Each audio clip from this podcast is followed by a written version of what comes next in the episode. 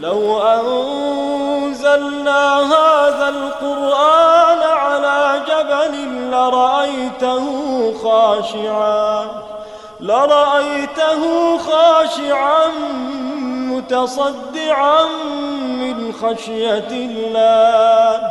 وتلك الأمثال نضربها لعلهم يتفكرون.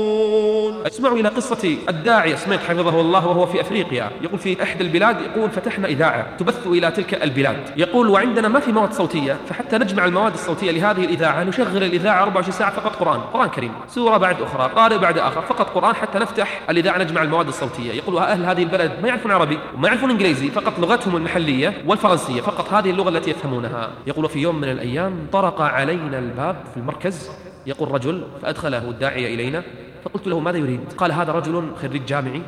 يقول يريد منك طلبا. قلت له ماذا يريد؟ قال يريد نسخة يقول أريد نسخة من الأغاني التي تبثونها. ماذا؟ أريد نسخة من الأغاني التي تبثونها. بحثت عن الإذاعة قالوا هذه مركز هذا مركز الإذاعة. فجئت أطلب منكم طلب. أريد نسخة من الأغاني التي تبثونها. يقول الدكتور سميت فقلت له لما تريد هذه الأغاني؟ طبعا هو يقصد القرآن ما يفهم أن هذا قرآن. قلت له يقول سميت قلت له وماذا تريد بهذه الأغاني؟ ليش؟ إيش معنى؟ قال لأنني كلما وضعت إذاعتكم واستمعت إلى هذه الأغاني أحس براحة وانشراح الصدر وأحس بطمأنينة لا أشعر بها إلا لما أستمع لهذه الأغاني. يقول فضحك الداعي الدكتور وقال له هذه ليست أغاني. قال إذا ما هي؟ قال هذا كلام ربنا عز وجل. قال ماذا؟ هذا قال هذا كلام الله. قال خذ ترجمة هذا واذهب واقرأه على مهل.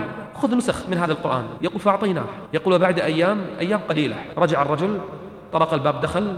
يقول معه ستة. قلت لهم ماذا تريدون؟